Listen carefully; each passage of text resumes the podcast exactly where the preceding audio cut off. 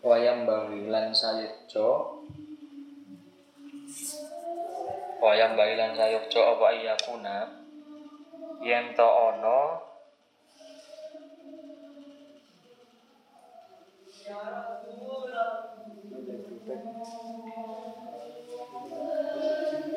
apa takti ul kitabi potongane? Kitab potongane kitab iku murabbaan persegi empat.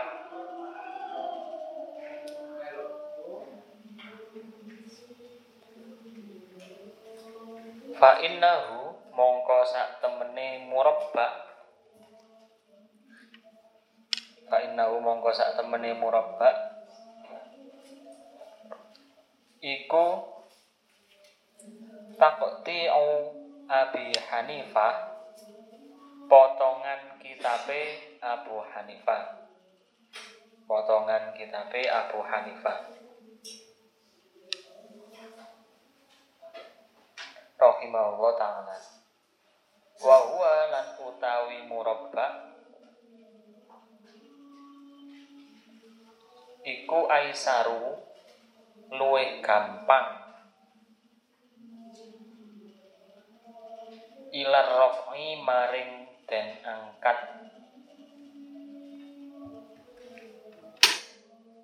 Wal wad'i lan den seleh.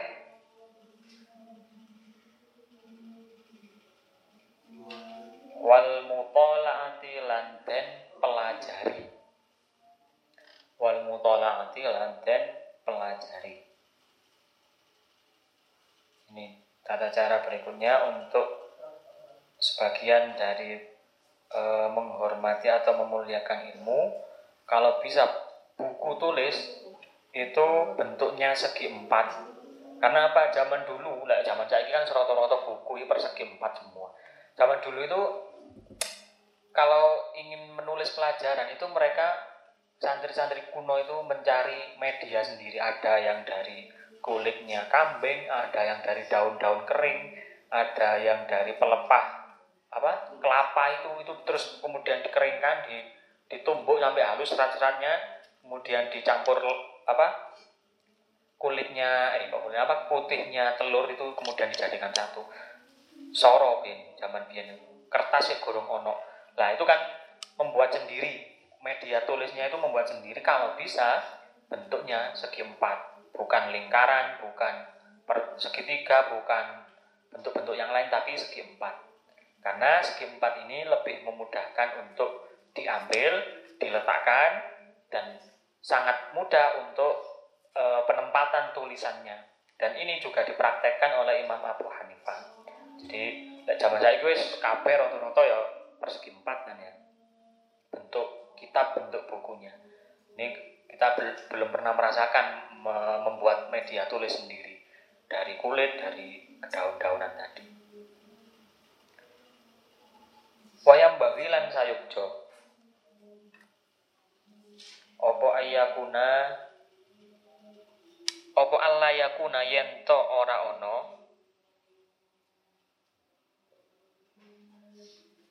iku fil kitabi ing dalam kitab apa syai'un suwiji-wiji minal hamroti sangking tulisan abang. Minal hamroti sangking tulisan abang. Fa inna krono sak temene hamroh iku soni ul iku soni ul falasifati penggaweane ahli filsafat.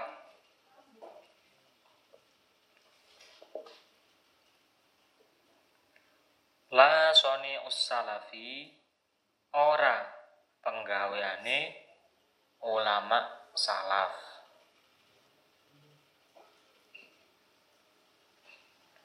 Wa min masyayikhina lan iku setengah sangking piro-piro guru kita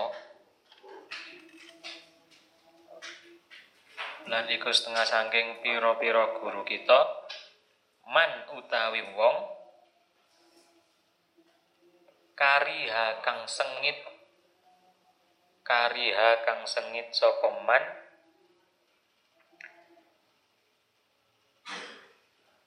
isti'malal murakkabi ing gunakaken tulisan kang den susun. Al ahmari kang abang. Nah ini termasuk usaha zohir juga dari para pencari ilmu supaya ilmunya manfaat. Sebaiknya di dalam kitabnya entah itu buku tulis atau kitab yang sudah jadi tinggal maknani itu hendaknya tidak terdapat tulisan berwarna merah ya. Pensil atau pulpennya jangan sampai warna merah karena warna merah itu adalah kesukaan ahli filsafat.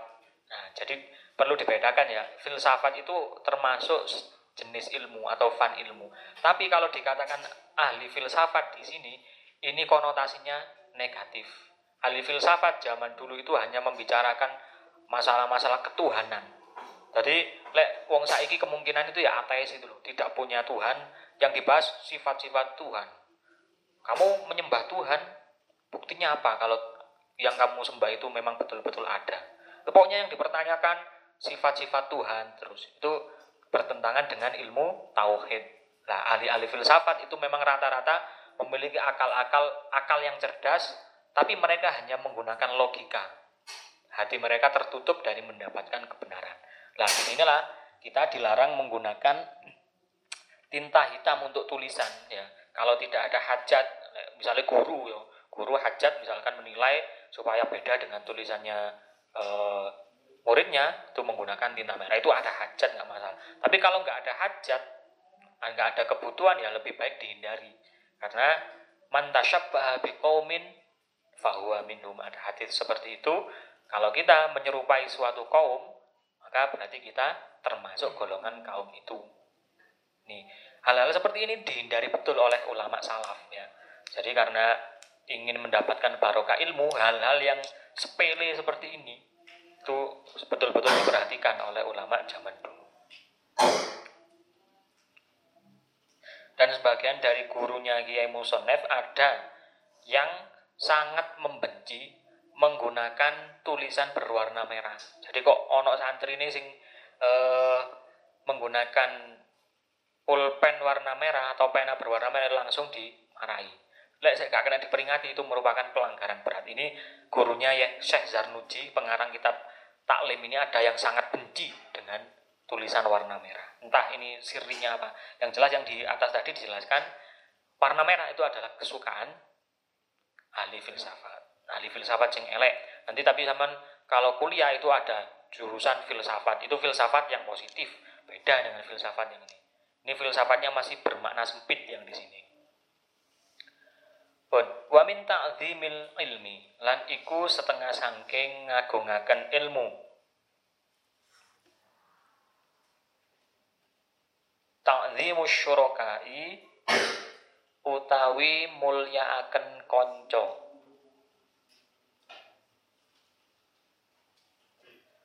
waman lan uwong ya ta'allamu kang belajar sapa talib minhu sangking man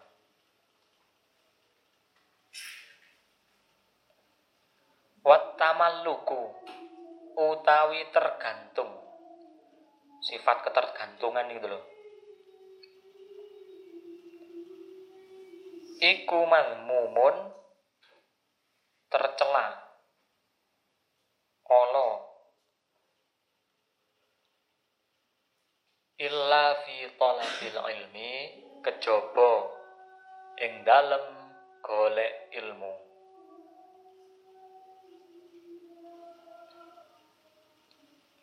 fa innahu mongko sak temene talib iku yambawi sayukdo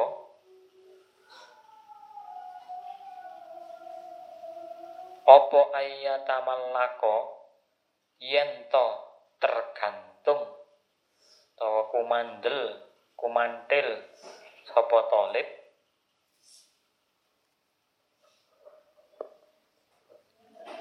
Li ustadihi maring ustate talib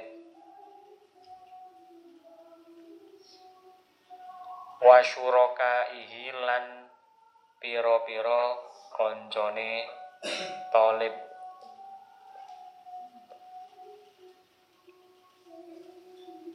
liyastafida supaya bisa ngalap faidah supaya bisa ngalap faidah sapa talib. Minhum sangking ustad wa syuraka. Minhum sangking ustad wa syuraka. Berikutnya, termasuk dikatakan memuliakan ilmu adalah memuliakan teman, ya teman yang setiap hari bersama kita, yang teman yang positif ya, yang bukan hanya bisa membuang-buang waktu. Kemudian juga memuliakan orang yang darinya kita mempelajari ilmu. Berarti guru atau teman sing senior, kakak kelas zaman yang kalau zaman ada permasalahan, zaman tanya kepada dia, dia menjawab. Itu termasuk orang yang wajib dimuliakan karena kita belajar ilmu dari dirinya. Ya, itu maksudnya man uh, man yata'allamu minhu. Di sini di, dijelaskan bahwasanya tamalluk.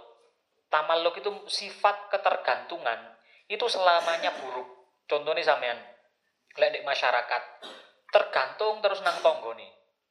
Misalnya uh, listrik seharusnya bisa memasang listrik sendiri tapi tiap hari ngikut di tangga ya hanya menyumbang sebesar berapa rupiah padahal dia mampu untuk memasang listrik sendiri. Itu kan berarti merepotkan orang lain. Contoh lain misalkan eh, sandal yang paling gampang. Saman semari dikirimi gak gelem tuku sandal. Nyilik sandale kok nyurung awakmu si jine kayak noak si, si jine sandal. Apa aku? Lah itu kan tergantung ya. Tergantung filmal dalam harta benda. Itu juga tidak baik.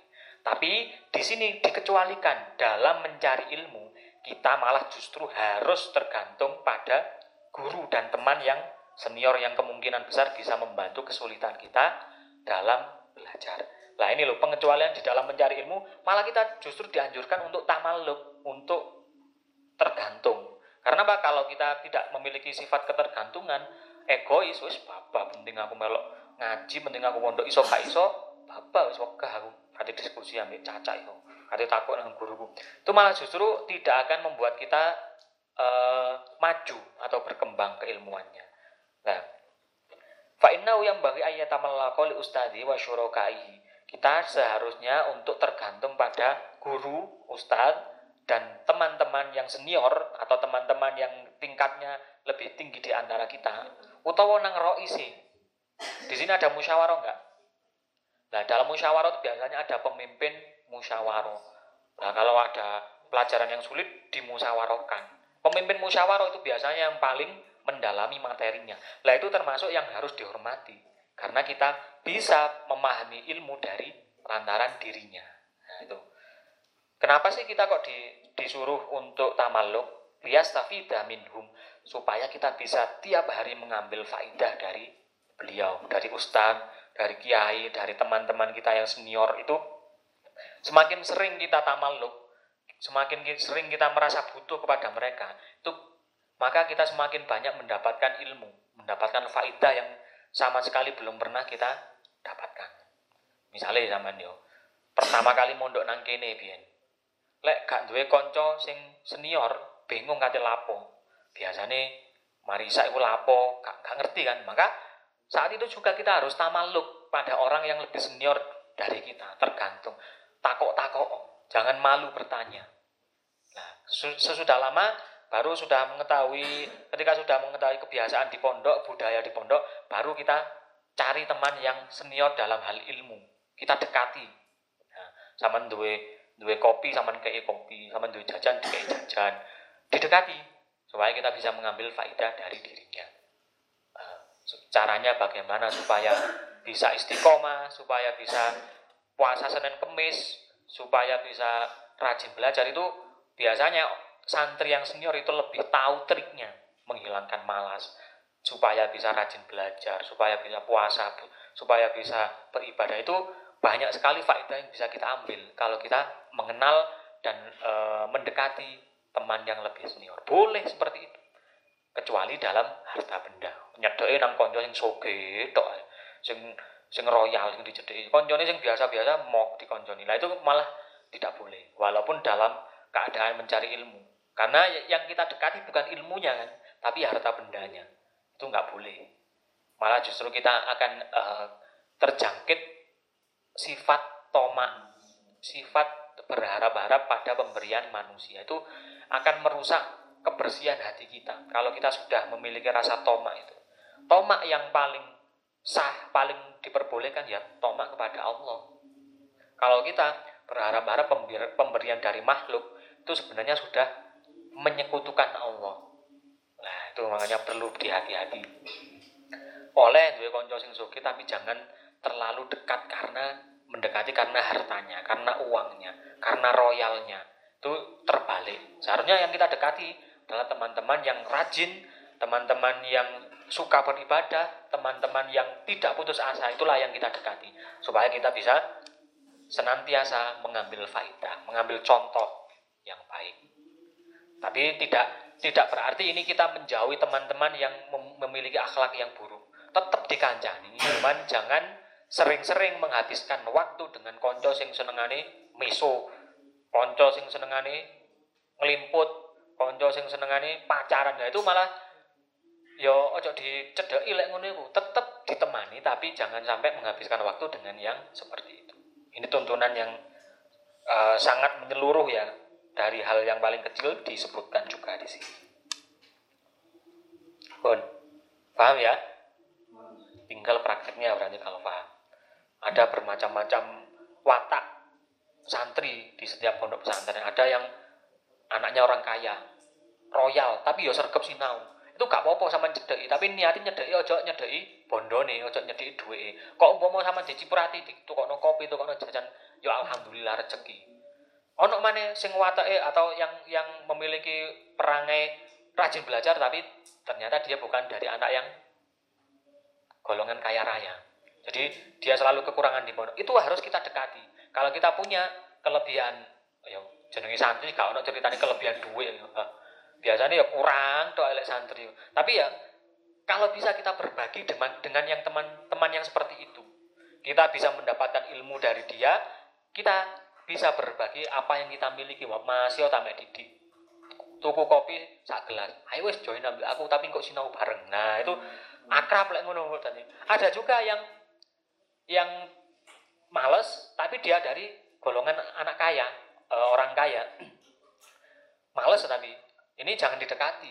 Biasanya arek sing nyedeki males arek sing nyedeki arek sing males tapi anaknya orang kaya itu biasanya mendekati harta bendanya toh mendekati uangnya. Nah, mengharap diberi apa-apa. Nah itu kalau bisa jangan terlalu dekat dengan anak males anak wong sugi orang mana males duduk anak wong sugi iki sing rotok parah lagi ya. ya tetap semua jenis orang tadi yang ada di pondok tetap kita teman. Jangan sampai diputus tali persahabatannya tetap di dikancani tapi jangan sampai menghabiskan waktu dengan teman yang buruk karena itu nanti berpengaruh pada diri kita. Wayang bagilan sayuk joli toli bil ilmi kedua wong kang ilmu. Apa ayastami'an? Yen to ngrungokaken sapa talib?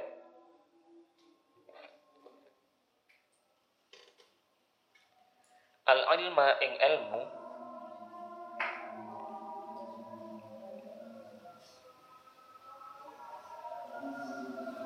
Wal hikmata lan hikmah. Ngrungokno mang ambek bitakzimi kelawan ngagungaken wal hormati lan mulyaaken. Wa in sami'a senajan wis krungu sapa talib masalatan ing masalah wahidatan kang siji wa kalimatan lan kalimat.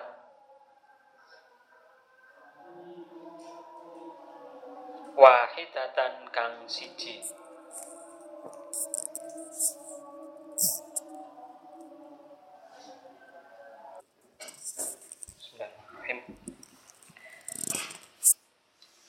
Nih, Fayambahi li talibil ilmi ayyastawi al ilma wal hikmata bit ta'zimi wal hurmah.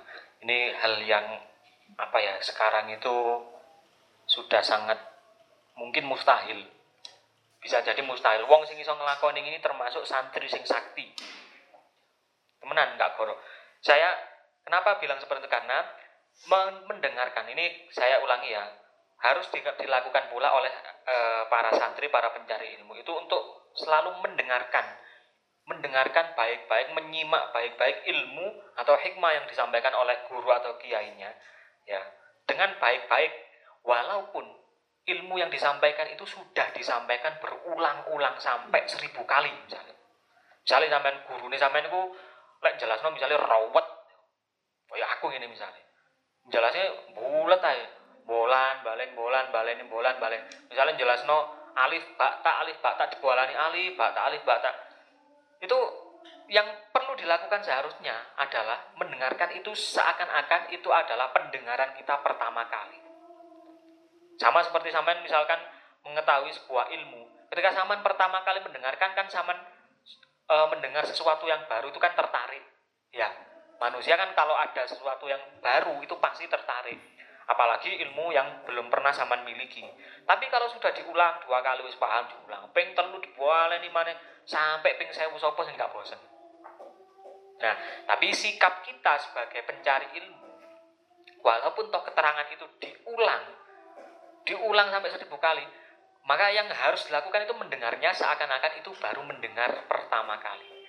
Kan sulit kan? Biasanya kalau kita sudah paham, aduh, iku mana sih jelas no. Malah males kan ngurungokno.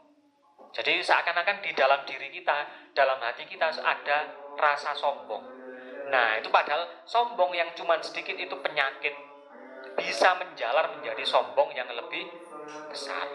Makanya ini mungkin saja dengan ilmu yang diulang-ulang e, menjelaskannya itu kita bisa mendapatkan kepahaman dari materi yang lain. Kalau kita mau tawaduk, di sinilah letak tawaduk kita sebagai seorang santri. Ini bedanya. Bedanya dengan siswa, dengan mahasiswa barat kalau mahasiswa barat itu biasanya dosen menjelaskan wis tahu, dijelaskan protes. Pak, itu sudah pernah dijelaskan, mohon menjelaskan yang lain. Lah, itu sebenarnya wajar kan seperti itu. Tapi dalam hal tata krama adab, itu dia sudah dianggap tidak beradab dari sisi taklimul muta'alim yang kita pelajari. Jadi, yo kembali lagi ke makolahnya Sayyidina Ali kemarin. Ana abduman alamani. Saya adalah hamba budaknya orang yang mengajariku ilmu walaupun hanya satu huruf. Lek budak dikongkon apa ya manut. Dek kelas masuk ngrungokno iku ping 1000 ya dirungokno kuduan. Itu loh. Jadi memang ya apa ya? Kalau zaman ingin spesial menjadi santri yang spesial, walaupun kita sudah tahu teori supaya bisa uh, menyerap ilmu dengan cepat, zaman bisa membaca kitab dengan cepat. Tapi hal-hal yang seperti ini harus perlu perlu diperhatikan lagi. Karena apa? Ini demi barokahnya ilmu yang sudah kita paham. Belum tentu saman walaupun sekarang paham ya. Misalnya satu materi, materi A katakan. Saman sudah memahami sampai hafal di luar kepala materi itu. Tapi ketika kiai saman menjelaskan materi A itu diulang kepada saman, saman merasa sombong. Duh kok ini gimana sih? Walaupun tidak diucapkan pada kiai. Kok ini gimana yang dijelaskan di Jawa? Maka walaupun saman paham materi A itu, belum tentu materi itu bisa barokah, bisa manfaat bagi diri sampean. Makanya sing hati-hati dalam hati jangan sampai. Sering kali saya katakan, nah ini contohnya yang saya sering ulang-ulang karena ini perkara penting. Kita yang butuh ilmu, kita harus mendatangi ilmu sesulit apa pun. Ya medan yang ditempuh. Podo ambek lek sampean tau munggah gunung. Lek wis kadung karep nang puncak gunung sesulit apa pun kondisi yang sulit bagaimanapun kita tempuh. Karena kita tahu nanti kalau di atas gunung itu bangga enak melihat pemandangan yang bagus. Kemudian cuacanya apa? Hawanya hawa yang sangat segar. Karena keinginan itulah yang mendorong kita e, bisa melewati rintangan-rintangan itu. Lah sama seperti ini mungkin mek gunung. Lagi ilmu sing sing derajatnya lebih tinggi dari keistimewaan apa pun yang ada di dunia ini. Mengenai kalau hanya sekedar mendengar materi yang diulang-ulang wis dirungokno ae takdim. Seakan-akan itu adalah mendengar yang pertama kalinya. Saya yakin ini sangat sulit diterapkan. Pelajaran apa pun kalau zaman ingin barokah, ilmunya ya diterap uh, walaupun zaman pinter, zaman ngrungokno pisantok iso langsung apal, iso langsung nyantol, tapi tetap kalau diulangi oleh gurunya, kalau bisa di dimasukkan ke dalam hati lagi, anggap itu adalah ilmu yang baru pertama kali didengar. Paham ya tentang ini ya? Tinggal sama mempraktekkan saja. Lek sampean iso koyo ngene rek. Lah ini e, keterangannya cuma sedikit ya. Tulisannya di taklim ini cuma mungkin butuh tiga baris ya. Tapi ini sangat sangat berpengaruh bagi perkembangan keilmuan sampean nantinya. Soalnya apa sih? Pencari ilmu kalau di dalam hatinya sudah ada rasa congkak, merasa sombong sedikit saja itu ilmu itu males bisa ilmu kan diibaratkan seperti air mengalirnya ke tempat yang rendah dan zaman merasa lebih tinggi dari ilmu mau so ilmu aja munggah? Ya wagah tau mending golek sing isor ya. Sing pantas sombong itu ilmu dan yang memiliki ilmu. Allah. Allah yang pantas pantas untuk sombong. Terserah Allah mau memberikan ilmu pada sing arek goblok tapi takdim nang ilmu atau nang arek pintar tapi gak takdim nang ilmu belas Mungkin yang anak pintar itu diberikan ilmu tapi kulitnya. Sehingga ilmunya tidak manfaat. Tapi anak yang bodoh ini, dia dijelaskan seribu kali gak paham-paham. Tapi dia mendengarkan diulang-ulang itu sama seperti mendengarkan pertama kalinya. Bisa jadi di bilangan yang seribu satu, dia diberikan kepahaman yang luar biasa oleh Allah. Dan langsung menancap ke dalam hatinya, ilmunya manfaat. Walaupun ilmunya cuma sedikit. Nah, sekarang zaman mau pilih mana? Ilmu yang banyak tapi nggak manfaat, apa ilmu yang sedikit tapi manfaat? Sama kan seperti yang sudah saya jelaskan dulu. Saman posisi misalnya nun sewu, ya ini contoh saja supaya lebih mudah dipahami. Saman dalam keadaan lumpuh, ya, sama nggak dalam keadaan lumpuh punya seribu pohon mangga yang berbuah dan matang tapi pas rewangi zaman gak ono kabeh.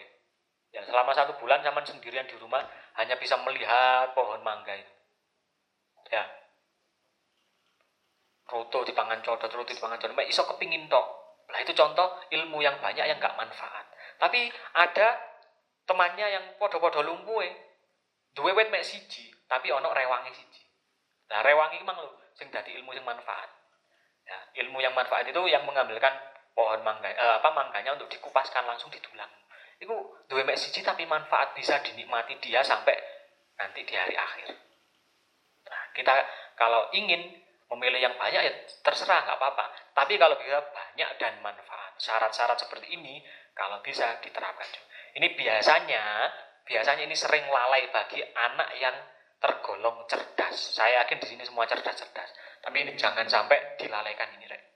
pesan saya ini Sungguh iki akeh ceritane arek sing sombong. Ya bukan hanya sekarang, zaman dulu juga ada. Sombong, merasa dia sudah pandai, sudah melebihi gurunya sehingga apa yang dijelaskan gurunya itu hanya angin lalu. Mlebu kene, metu kene. Lah keterangan ini aku yo iso. Jero hati sampai ngomong koyo ngono. Nah itu kan bila walaupun secerdas apa pun dia, tapi kalau sudah memiliki rasa sombong, wes gak suwe. Ya memang duwe wet apa pencet sewu tapi gak iso panen gak ya ngiler tok ah ya. Tapi wet duwe wet siji tapi ben, e, bisa dinikmati setiap hari itu lebih lebih lebih enak kan. Lebih nikmat, lebih bisa dirasakan. Tapi lek iso yo jangan berhenti sampai ilmu yang sedikit. Ilmu itu ilmu Allah itu luas. Ya, carilah ilmu Allah sebanyak-banyaknya. Tapi juga cari cara supaya ilmu yang sampai dapatkan itu bisa man minimal bagi diri sendiri dan keluarga. Kalau bisa bermanfaat bagi orang lain juga. Ya, ini pesan sponsor sedikit saja. Yaitu tadi, dengarkan ilmu yang sudah saman pernah saman pahami, pernah dijelaskan berkali-kali. Seakan-akan itu ilmu pertama kali yang saman dengarkan. Tuh, untuk menekan rasa egois, rasa kesombongan di dalam hati, yo memang gak, gak gampang. Jenenge menungso. Ya. Ini saya cerita ya sedikit. Saya kaitkan dengan cerita iblis. Iblis dulu itu termasuk ngalah-ngalah malaikat. Malaikat itu kan sama ngerti ya, malaikat pertama kali diciptakan Allah, misalkan diperintahkan untuk bersujud, ya akan bersujud terus. Mulai awal sampai hari kiamat nanti ya sujud terus malaikat itu. Dan malaikat yang diciptakan Allah tugasnya zikir. Ya zikir terus tak henti-hentinya. Tapi ada iblis. Iblis ini bukan golongan malaikat, tapi termasuk ibadur rahman zaman dulu. Ya, ibadahnya ngalah-ngalah malaikat. Zikir bisa sampai ribuan tahun tanpa henti. Ibadah sholat bisa sampai ribuan tahun. Kesalahan iblis itu cuma satu. Yaitu ketika diperintahkan untuk menghormat kepada Nabi Adam. Menghormat saja, mentakzim saja. Kan di dalam kitab tafsir itu di, e, di Al-Quran disuruh sujud. Ya, Allah memerintahkan sujud pada iblis. Tapi iblis tidak mau. Itu karena merasa Adam itu diciptakan teko lempung. Aku diciptakan teko geni. Apa aku hormat dengan Adam? Itu ada rasa sombong di dalam hati iblis. Sehingga Allah melaknat iblis sampai hari kiamat. Termasuk golongan hamba-hamba Allah yang tersesat dan paling dilaknati oleh Allah. Padahal sebelumnya, sebelum Nabi Adam diciptakan, itu termasuk hamba Allah yang mulia, memiliki kedudukan yang tinggi di alam malakut sana. Tapi karena satu kesalahan yaitu sombong tadi, iblis sudah terlempar sejauh mungkin dari derajatnya yang mulia. Makanya kalau kita tidak ingin seperti iblis, jauhkan sombong di dalam diri kita. Sak soge-soge ini sampean, sak pinter-pinter sampean, itu jangan sampai ditampakkan. Ya paling tidak ya kita harus kalau sombong itu biasanya memang sulit, tapi harus kita hilangkan sedikit demi sedikit karena itu merusak penyakit hati sing bisa menyebar ke mana-mana. Kalau sudah sombong, biasanya akan mudah merendahkan orang lain, akan mudah mencela orang lain, menganggap dirinya lebih hebat, lebih pandai. Akhirnya menganggap dirinya paling benar, bukan ucapan dirinya semuanya salah. Itu berawal dari sombong. Ini pesan saya karena ini ada kaitannya. Sak pinter-pinter sampean ben ilingo, guru sing mulang sampean alif tak tak biyen sombong Nek iso disowani saat di hari raya itu sowan, salim. Masih tak saiki saya tetap mulang kali bakta. Terus sama nanti suatu saat sudah jadi dosen, bergelar profesor, sama ya tetap harus taklim kepada yang mengajari sama alif bakta. Ya, derajat zaman itu masih lebih tinggi yang mulang sampai alif bakta. Karena apa? Kalau kita nggak diajar alif bakta, maka ibadah kita yang selama puluhan tahun, belasan tahun itu nggak akan diterima. Karena apa? Di dalam sholat harus mengucapkan fatihah dengan benar kan? Tahiyat akhir dengan benar. Rukun kauli.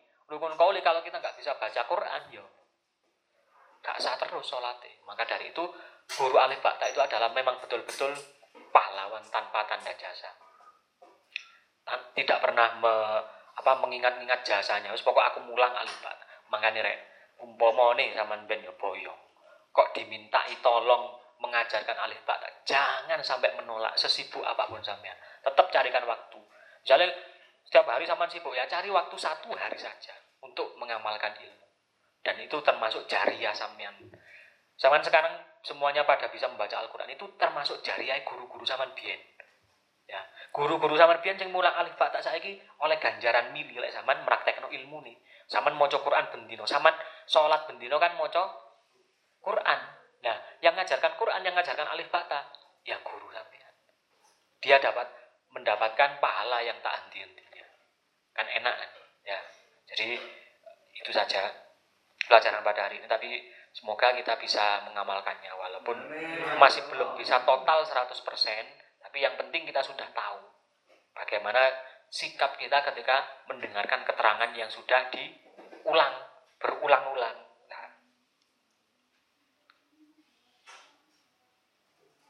Fahimtum? Ada pertanyaan? Ya.